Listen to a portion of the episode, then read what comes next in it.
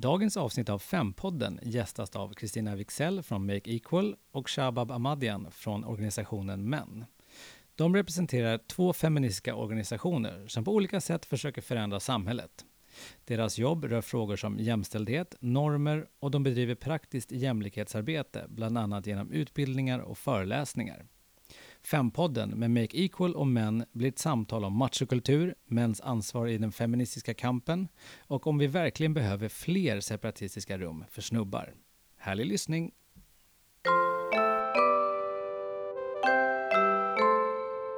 Mm. Hälsar du välkommen. Mm.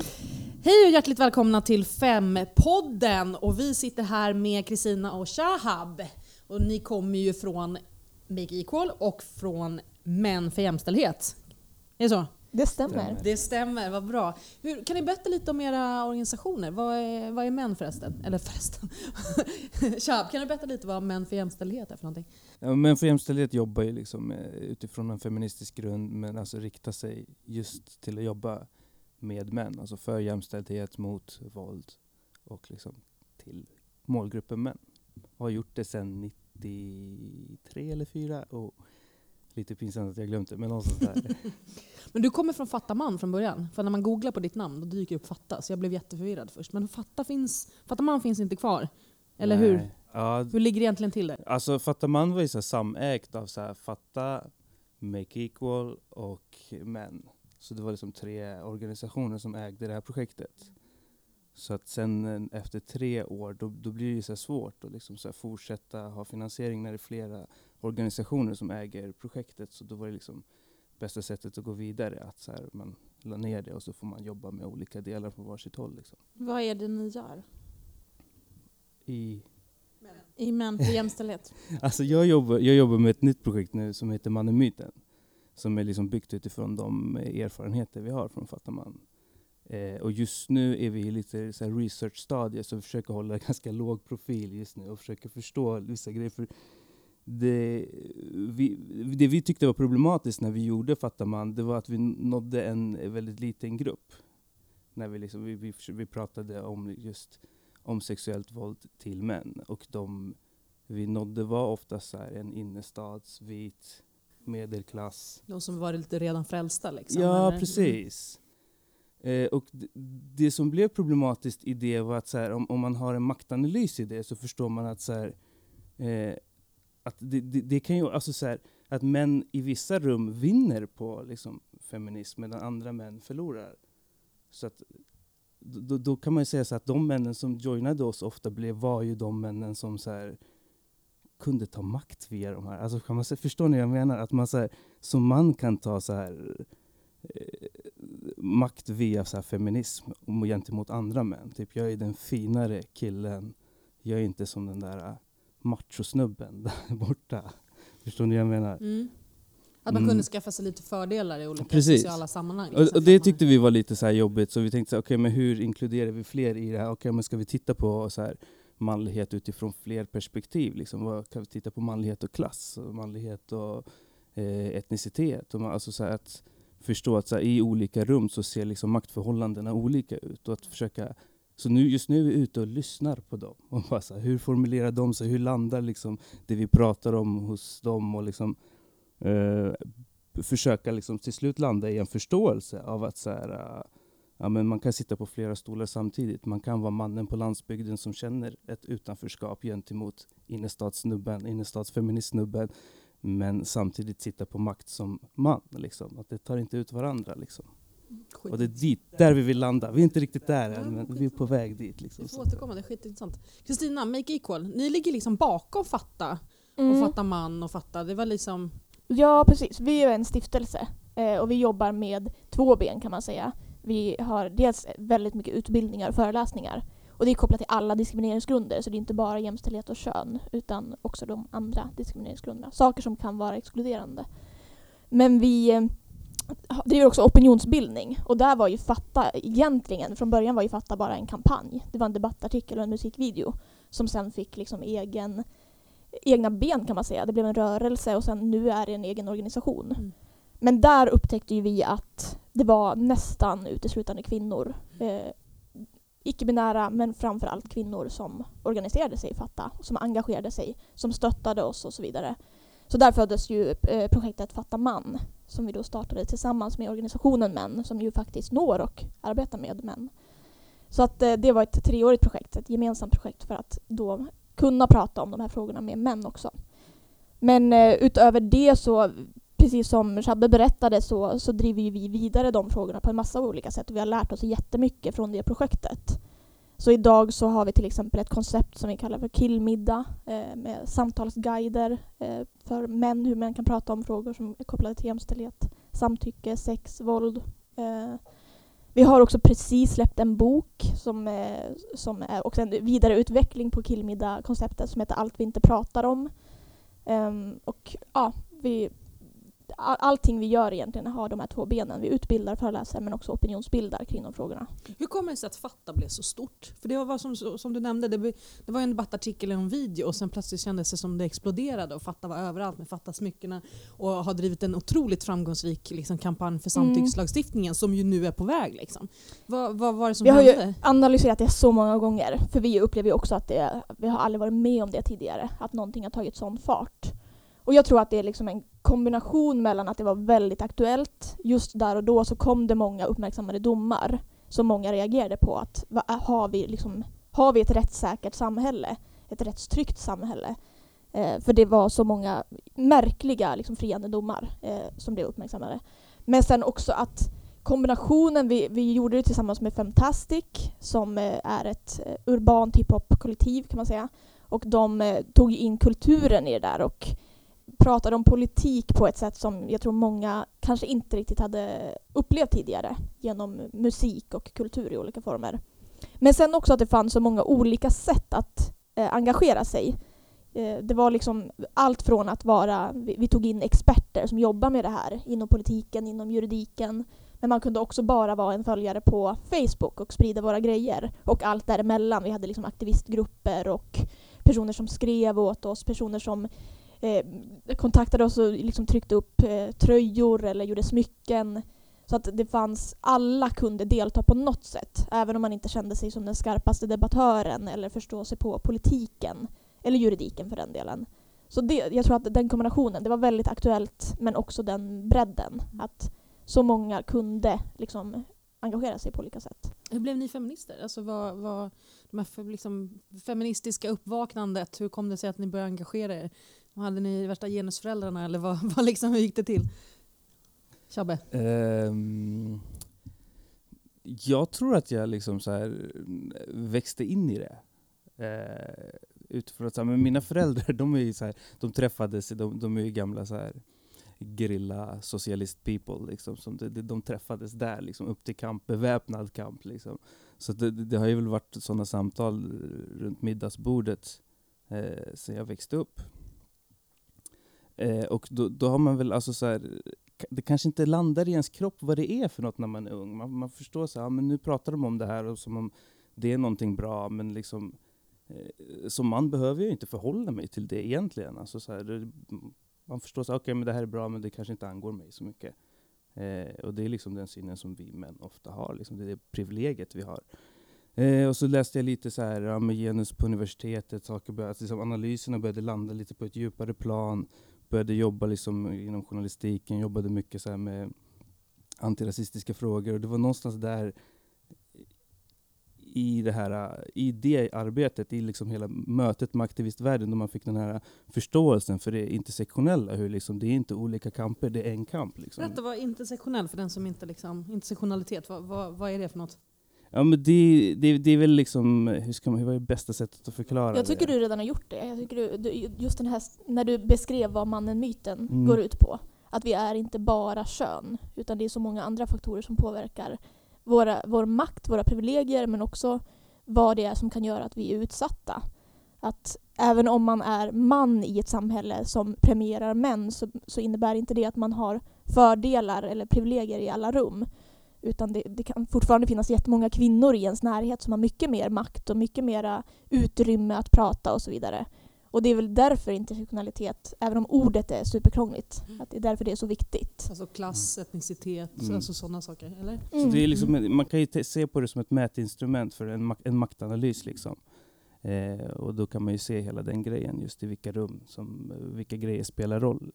Sen är det ju såklart att det liksom lite, det går ju inte bara att applicera det och säga så här, ja, men eh, jag som man känner mig liksom eh, känner mig som en minoritet i det här rummet när det sitter fyra kvinnor här. Liksom. Alltså, då måste man ju också kunna se det liksom, i det större sammanhanget och den grejen också såklart. Mm, det är många som har så här uppvaknanden eller så här stories kring när de, eh, så här att de läste en bok eller så. Och jag har inte riktigt det. Eh, jag har försökt grotta i det där vad det är som gjorde att jag började kalla mig feminist. Men jag tror också att, alltså jag är uppvuxen också i ett ganska politiskt hem med mycket diskussioner kring middagsbordet. Så jag har alltid tyckt att det är kul att liksom, ja, men diskutera och tycka saker. Analysera samhället. Men, men jag började nog inte kalla mig feminist förrän jag var kanske i men högstadiet eller gymnasiet. Och det var nog när jag förstod att, för jag, jag har alltid bråkat mycket i skolan. Inte bråkat som i slagits, men varit en sån som har ifrågasatt lärare och ifrågasatt klasskompisar och liksom så. Och har alltid bara upplevts som jobbig tror jag. Eh, Men sen när jag förstod att det, att det finns människor som... Jag bara, När jag förstod att det är en rörelse och att det liksom finns väldigt många andra människor som gör det och som lever på det, eh, då tror jag att jag började få, alltså det blev en identitet mer. Att säga, jaha, det, här, det är det här som är att vara feminist till exempel. Um, och det var ju också då jag började, när jag flyttade till Stockholm och liksom kom in i hela det feministiska föreningslivet och började gå på demonstrationer och på panelsamtal. Då blev det ju liksom hela jag, kan man säga. Men, eh, men själva analysen och diskussionerna har jag haft med mig hela livet, skulle man kunna säga. Men ni pratar väldigt mycket om maskulinitetsnormer på olika sätt. Vad är maskulinitetsnormer för den som inte eh, är med på det tugget? Liksom? Alltså det ser väl olika ut i olika rum, tänker jag. Alltså det, vi pratar ju ofta om en, så här, om en manskultur och jag tror att manskulturen är det som så här, gruppen av män kommer överens om, att det här är liksom manlighet. Um, och då ser det väl lite olika ut i olika så här, subgrupper, men sen finns det i det stora, att så här, med gruppen av män är så här, överens om att de här egenskaperna ska du ha för att och då finns det några så här stöttepelare, så här, du ska vara heterosexuell. Liksom. Du, eh, lite såna, alltså det är de här grundpelarna för manligheten och så, så kan det finnas lite olika saker som är bra i olika fält. Till exempel att det kan vara i, en, i ett idrottssammanhang så ska du vara duktig på att lira boll, alltså, men i gamervärlden ska du ha några andra egenskaper, så det ja, finns några stöttepelare och så ser det lite olika ut i de mindre sammanhangen. Men jag tänker, vill ni skapa liksom en ny mansroll? Är det det som är poängen? Eller vill ni skapa ett tomrum så att man kan fylla det med vad som helst? Alltså jag tänker att, att maskulinitetsnormerna bygger på att det är en motsats till eh, liksom femininitet. Det finns inte ens ett ord för det, vilket säger en del. Men eh, rollen det innebär att vara kvinna. Att, att det bygger på en, en liksom särskiljning, att män ska vara på ett sätt och kvinnor ska vara på ett sätt. Man kan bara vara män och kvinnor.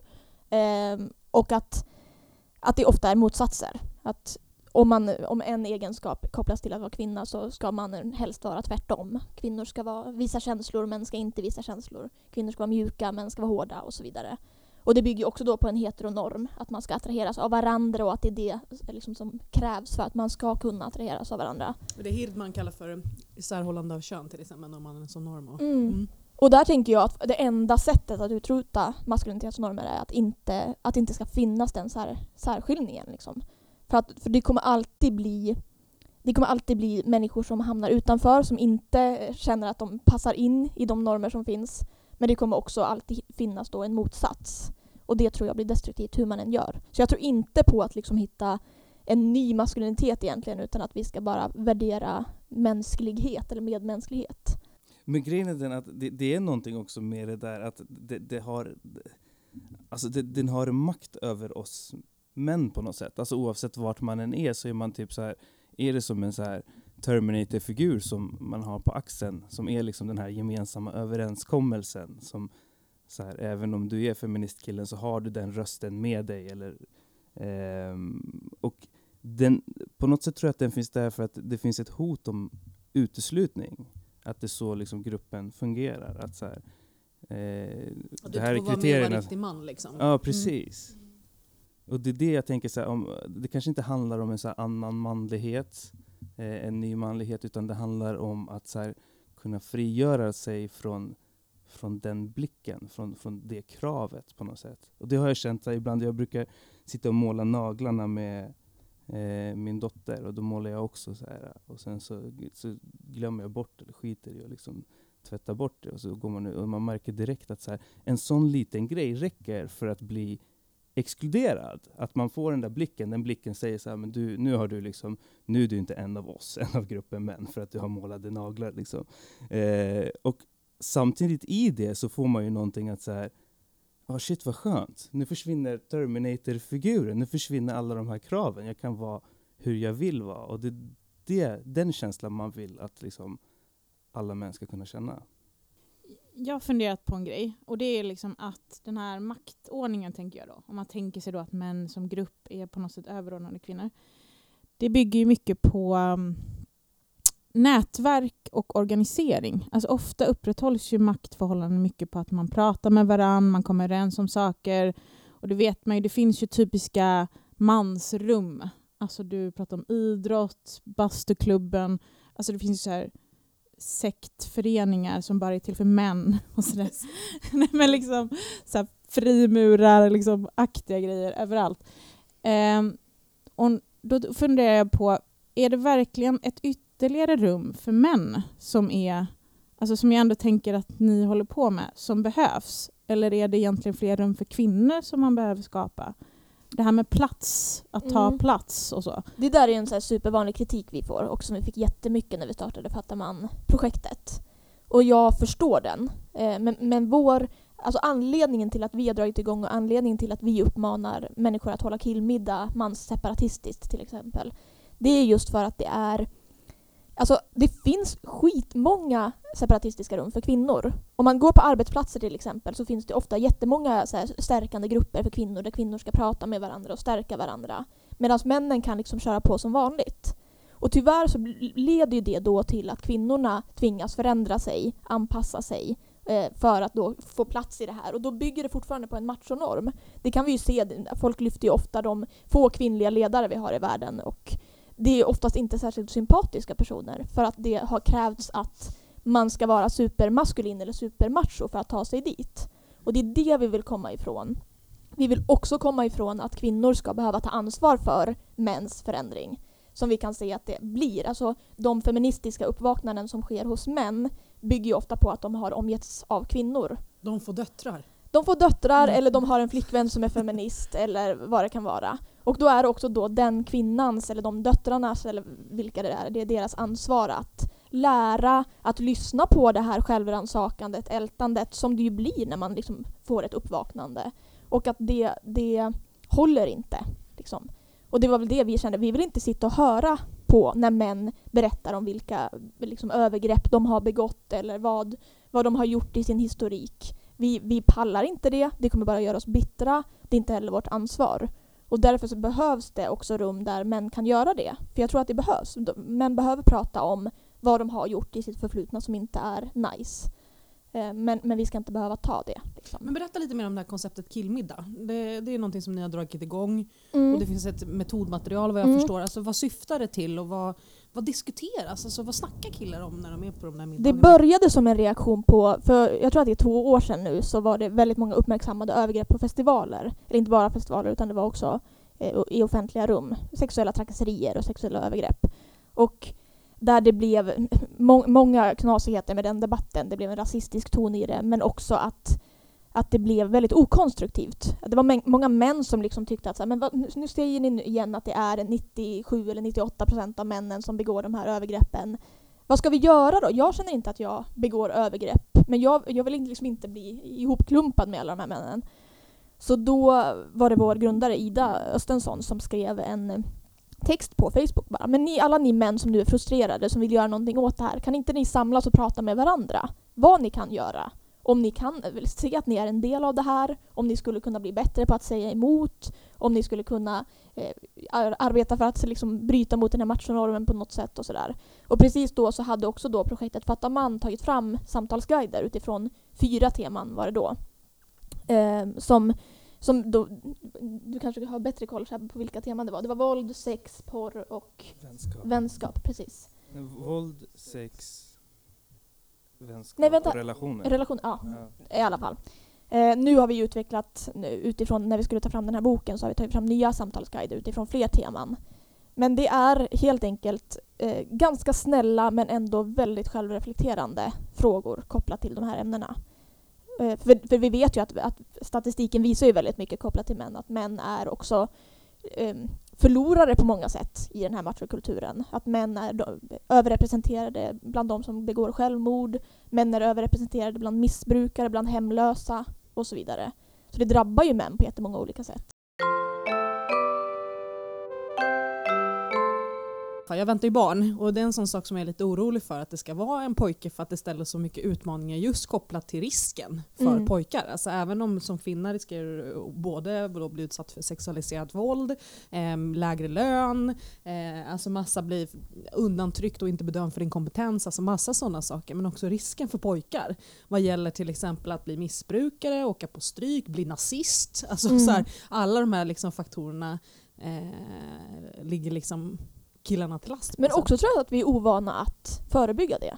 Vi, alltså jag vet ganska väl hur jag skulle stärka en dotter. Mm. Vilka redskap jag Ja, skulle ge, hur jag ska Mm, peppa mm. och så vidare. Men jag vet inte alls vilka samtal jag ska ha med en eventuell son. Liksom. Mm. Och, och det är det jag tror att det, där ligger vi efter. Alltså, det finns så många metoder och så mycket erfarenhet av att jobba med tjejer och kvinnor som inte alls finns kopplat till män. Och, och det är därför vi vill testa det här. Och det, det kommer bli fel. Det var jättemycket saker vi upptäckte i Fatta man som var skitsvårt. Vadå Liksom. till exempel? Nej men just att, att skapa de här trygga rummen. Alltså det kan man ju se på Facebook hur många eh, liksom, separatistiska grupper det finns för kvinnliga feminister. Medan de eh, liksom, slutna grupper som finns för män spårar ju ur direkt. Flashback tänker jag spontant på. Mm. men- Ja, några exempel. Liksom. Ja. andra. Men så det, det är en utmaning. Hur man skapar de här rummen utan att det blir bara en offermentalitet. Liksom, mentalitet. Och hur man pratar om nackdelarna som finns för män i ett patriarkat utan att det blir, ja men just det, det är ju vi som är utsatta. Mm. Att det är inte så svartvitt liksom. Mm. För alla de här sakerna som vi nämner, alla de negativa aspekterna för män drabbar ju i förlängningen också kvinnor. Ja, gud ja. Mm. Eh, alltså våldet drabbar kvinnor, missbruket drabbar kvinnor i deras närhet, Mm. oförmågan att hantera sina känslor drabbar kvinnor i deras närhet och så vidare. Mm. Och det är det man måste, ja, att hitta den liksom nyansen. Men Men du, alltså, Shabbe, för- förlåt. Nej men kör. Shabbe, har du varit med på en sån här kimmiddag? Ja. Ja, va, va, ja, vi har hållit Du som, har hållit såna? Ja, men alltså, det finns ju lite, alltså, väldigt mycket liknande metoder. Liksom. Eh, vad, vad tänkte du? Nej, men jag tänkte liksom, vad, dels vad händer konkret? Eftersom det är manseparatistiskt så får inte jag vara Ja, med. men Men, vad första- pratas om? Vad, vad, vad tycker killar som går på de här killmiddagarna? Hur, hur, vad, vad, vad tycker de är problemet så att säga? Liksom? Jag vet inte vad de tycker. Alltså det, jag tror att det handlar om att så här, som samtalsledare måste man sätta tonen. Så att det inte, alltså så här, jag har aldrig liksom satt den tonen att det ska vara liksom, att vi ska gnälla av oss. Eh, så det, det har aldrig hänt. Utan, men däremot så sätter jag tonen att så här pratar vi på ett annorlunda sätt gentemot varandra som vi inte brukar göra. Typ att så här, men vi killar vi är uppväxta med vissa kodspråk. Typ alltså så här, bästa exempel på det är så här, men jag slår dig på axeln, det betyder jag tycker om dig. Det vet alla män om. Liksom, fast i, själva handlingen är ju liksom en våldshandling. Eh, och att så här, ja, men vi tar bort alla de grejerna och så här, ja, men här säger vi saker till varandra. Här liksom pratar vi om sånt som gör ont, här pratar vi om eh, känslor. Och, så, och det, det låter så basic, det låter så här, men gud vad töntigt, det kan, det kan väl vem som helst göra. Men det är inte det. Alltså de som kommer på det här, för dem är det första gången de får prata så här. Och får så här, ofta så här uttrycker det så här, vad skönt, jag har längtat till ett så här, eh, till, till det här rummet. För oftast har vi män det, alltså så här, vi har det förhållandet gentemot kvinnor. Och det är också så här, det exemplet det här med att så här, när man skaffar sin första flickvän någonstans när man är runt 17 och så bara yes, nu fick jag äntligen en kanal för mina känslor. Så, bara, så dränker man henne och hon bara så that's too much. Så, så, förstår man inte varför man blir lämnad i det liksom. Eh, det, det, är verkligen det, vi är så sjukt ensamma män emellan och kan all, har inte den kulturen att prata med varandra.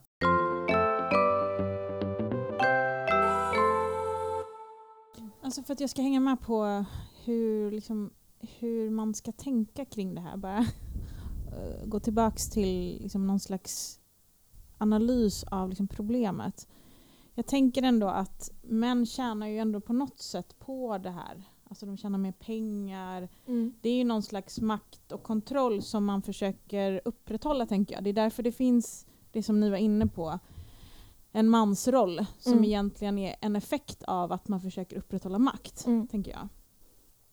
Men då, har vi, då tänker vi oss att det går att egentligen prata eller uppfostra folk bort ifrån det här maktförhållandet. Förstår ni vad jag menar? Är- Är det möjligt att säga så här, ja men eh, det här kanske betyder att du får tjäna lite mindre pengar eller det här kanske betyder att du eh, kommer ha mindre liksom, makt och kontroll i din relation med din flickvän men det kommer du få köpa här nu. Mm. Är det liksom så man ska prata eller tänker ni att man ska säga så här Eh, det här är någonting som båda förlorar på och är det liksom ärligt att säga det? Eh, För jag tänker någonstans kommer ju det här. Alltså det finns ju en grund till att det här ändå fortgår. Det måste ju finnas någon som är, vinner på att den här liksom Men den, den maktförhållandet kritiken finns. har ju har, har, har funnits Ja, och jag, jag håller med om det. Ja. Nej men alltså jag kan ibland faktiskt också bli trött på att liksom vi alltid bara ska liksom, för att övertala män så måste vi bara prata om det positiva, om så här, vad du tjänar och mäns välmående och hela liksom så här. Det är klart att man kommer förlora någonting på det också. Och ja, fast det, det, det är liksom, det är svårt hur man ska kommunicera det. Eh, för att det, det, det är alltid liksom så här, man ser det runt omkring sig, för så fort man börjar ska kommunicera det, då blir det på en eh, då, då blir det på den här, så här individnivån, att så här, folk tänker på kvinnorna i sin närhet. Det är typ de kvinnorna män kan tänka på. De, det, Döttrar, flickvänner och ja, mammor. precis.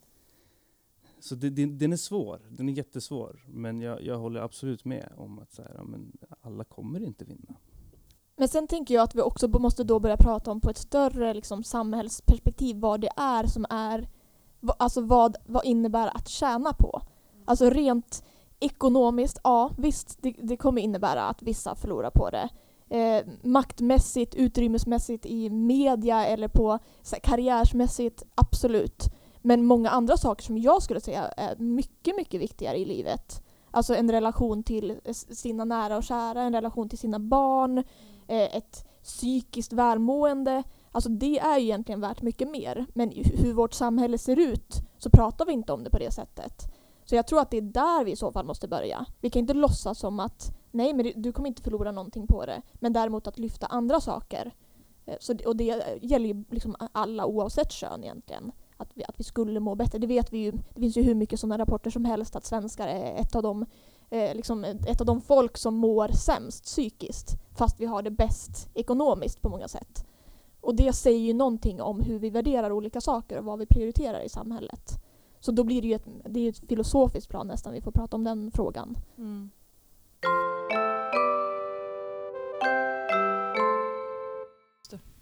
Men jag tänker så här, maskulinitetsnormer och hur vi beter oss mot varandra är ju liksom en sak i det. Alltså hur vi uppfostrar våra söner om inte annat. Alltså hur vi, liksom, ja, hur vi pratar med varandra, hur vi är mot varandra, jargong och så vidare. Vad tror ni mer måste till? Alltså så här, jag tänker förändringar på arbetsmarknaden, lagstiftning, liksom, eh, e-, alltså ekonomiska frågor. Liksom, vad, för att komma till rätta just med maskulinitetsnormer? Är det bara en fråga om hur vi snackar med varandra eller är det större samhälleliga förändringar som måste till? Liksom? Det är jättemycket olika saker som behöver göras. Så jag tänker när det gäller till exempel arbetsmarknaden, en trygghet där betyder ju sjukt mycket. Men också en rättstrygghet och rättssäkerhet. Att om man vet att 99% risk om jag anmäler det här så kommer det läggas ner, då kommer inte folk eh, liksom anmäla det. Och då kommer det vara ett mörkertal och då kommer inte politikerna se hur stort problem det här är och man kommer inte sätta in rätt åtgärder och så vidare. Så det är absolut inte bara prata om det, jag tror att det är ett steg. Men det finns jättemycket annat att göra också. Nooshi sitter ju i riksdagen till exempel. Du är ju typ i opposition, men ni förhandlar ju ändå med regeringen i och för sig. Vi är konstruktiv opposition. Konstruktiv opposition. Vi sitter ju i majoritet, Vänsterpartiet sitter ju med här i Stockholms stadshus. Liksom. Vad tror ni är det viktigaste vi kan göra från politiskt håll, alltså till exempel i riksdagen och i kommunen, för att just komma till rätta med det vi diskuterar nu? Liksom. Mäns ansvar, maskulinitetsnormer, machonormer. Liksom. Vad, vad har ni för medskick till oss? Liksom? Alltså jag, alltså jag pratar om normer, sen är det liksom upp till er att liksom hitta de politiska lösningarna för att lösa det lite grann. Fan också. Nej, men jag tänker just, dels har det jättemycket med budget att göra. Att civilsamhället behöver pengar, för det är civilsamhället som gör det största arbetet idag. Men också skolor, att skolor kan prioritera det här. Att lärare får förutsättningar att lyfta det. Att sexualundervisningen får mycket, mycket liksom större utrymme och att Det är väl inte ens obligatoriskt på lärarutbildningen? Va? Nej, exakt. Det är en sån. Och det ligger på enskilda liksom, lärare, den som är intresserad att lyfta det. Ehm, och, och den sexualundervisning som finns är också väldigt bristfällig skulle jag säga. Men sen tänker jag också att då eh, stötta rättsväsendet. Att personer som jobbar inom rättsväsendet, poliser behöver utbildas för att hantera de här frågorna. Man behöver också skydda, alltså vi i civil, civilsamhället som pratar om det här och politiker behöver ju känna en trygghet i att man inte utsätts för hot utan att det tas på allvar till exempel. Och där finns det jättemånga brister idag. Som tystar väldigt många Mm. människor. Jag tänkte också på det här du sa med arbetsmarknaden, just det här med trygga anställningar till exempel. Det är ganska svårt att säga ifrån en, en tafsande chef eller en liksom sunkig kultur om man liksom inte blir inringd som timmis för att man är typ uppkäftig eller för att man liksom är, verkar vara en jobbig typ. Alltså, jag Verkligen. tänker rätt till, till trygga jobb, en sån här enkel grej. Liksom. Mm. Men alltså jag tänker lite kring, får jag gå tillbaka till det här? Ja, men att, att vi inte har liksom så här, eh, alltså så här, om, om man säger så här att i Sverige har vi alltid haft så här, vi har vågat drömma på något sätt. Alltså så här, ja men vi ska bygga en miljon bostäder, det ska vara så här, du vet, så här höga mål hela tiden så här, och liksom inte varit rädda för det och det känns som att det har dött ut och speciellt när det gäller den här frågan så vågar vi inte ställa höga mål utan man kommer lite så här Eh, heter det att man kommer med mössan i handen? Mm. Ja, det är lite den känslan alltså när det gäller de här frågorna. Att man kommer så lite så här, ursäkta, lite så här underifrån istället för att så här, okej, men vi vill ha en nolltolerans mot mäns våld. Alltså att sätta ner foten. Det kan jag sakna lite grann, att så här, ja, men man vill ha det där stödet, att det blir så här att det ska vara självklart och inte så här ursäktande. Alltså typ det här visionära, hit ska vi liksom. Precis. Ja. Mm. Vad, vad tycker du att statsministern borde säga då? Ja, men typ det. Nolltolerans Mot mot, mäns våld. våld. Och sen ta fram en plan. Om vi har så här nolltolerans mot alkohol i trafiken, varför kan vi inte ha nolltolerans mot mäns våld? För? Verkligen. Vad säger du Kristina, vad är din vision liksom? Eller är det en vision som ska till? För att... Ja, och det är väl det. Man pratar om det här som, en- dels så pratar man om det som en kvinnofråga eh, och dels så kopplar man inte ihop det till andra saker. Nu när vi har den här trygghetsdebatten så är det ju det det borde handla om. Eh, att, att väldigt, väldigt många människor inte är trygga på sina arbetsplatser, inte är trygga i sina hem för att det förekommer en massa våld. Men det ses inte som, det ses inte som ett arbetsmiljöproblem, det ses inte som ett folkhälsoproblem, vilket det är. Och, och att också väldigt stort ansvar ligger på civilsamhället och på jourerna. Eh, där skär man ju ner hela tiden på pengar. När, när det är de, de som faktiskt tar hand om det som politikerna inte har löst. Det vill säga kvinnor som inte kan eh, leva normala liv, som inte kan stanna hemma, som inte kan eh, liksom, eh, leva under sina riktiga namn och så vidare. Som måste skyddas. Mm. Eh, och där... så- Alltså det är klart att det är jätteviktigt att det finns ett civilsamhälle men vi kan inte förlita oss på det. Och framförallt inte att det ska finnas utan pengar. Mm. Ja, men jag håller med, för att jag menar, vi har drivit igenom högre, alltså högre stöd till kvinnojourerna både på riksplanen och Mm. här i Stockholms stad har vi ökat. Men det är just det, det kan inte vara en fråga bara för kvinnojourerna. Det kan inte vara en fråga som är så här, apropå typiska rubriksättningar, så här familjebråk. Alltså att det är Mm. någonting som liksom har, att det är någonting privat, utan just ett samhällsproblem. Mm. Det här är någonting som, det är ett folkhälsoproblem, det är ett samhällsproblem och det angår alla. Men så fort det kommer liksom inom hemmets fyra väggar, då är det någonting som liksom politiken nästan inte har med att göra. Vilket ingenting kunde ju vara mer fel. Men då är vi Eh, tillbaka till det här struktur versus individpratet. Mm. Att det, det, det är liksom hela tiden så här, vi måste stå och tjata om att det är ett samhällsproblem och peka på strukturerna, visa på statistiken och sen så landar det inte hos vissa grupper. Det blir så här, nej men jag känner inte igen mig i det för jag är en snäll kille.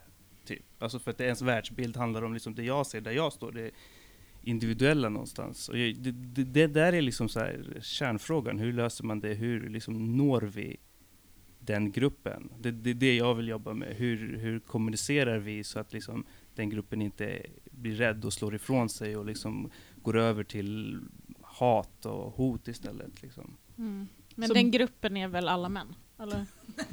Det där är ju den. Alltså, så här, jag, jag, alltså, jag har inga problem med att säga alla män. Alltså, det är det, det, det som är liksom, så fort man pratar om så här, struktur och pratar om män så blir det så här, men inte alla män. Och så här, för att vi, tänk, vi män är ju så här privilegierade, vi behöver inte tillhöra en grupp, utan vi har ju det här individprivilegiet på något sätt.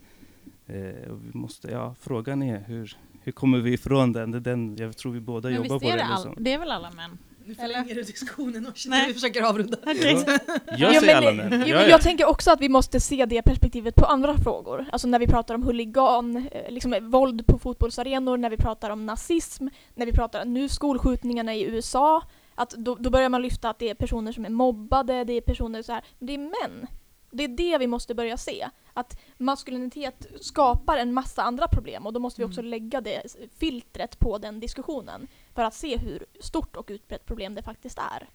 Men det är därför vi också pratar om en manskultur. För då blir det inte så här, det är inte du, utan det är manskulturen som vi alla män är en del av.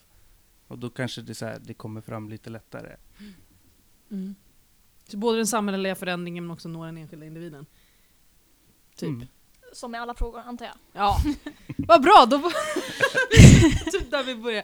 Nej men skitintressant hörni, tack så jättemycket för att ni Det kom var hit. jättekul att prata Väldigt, väldigt intressant att träffa er. Mm. Eh, ni har lyssnat på Fädpodden, tack så hemskt mycket för oss. Tack, tack.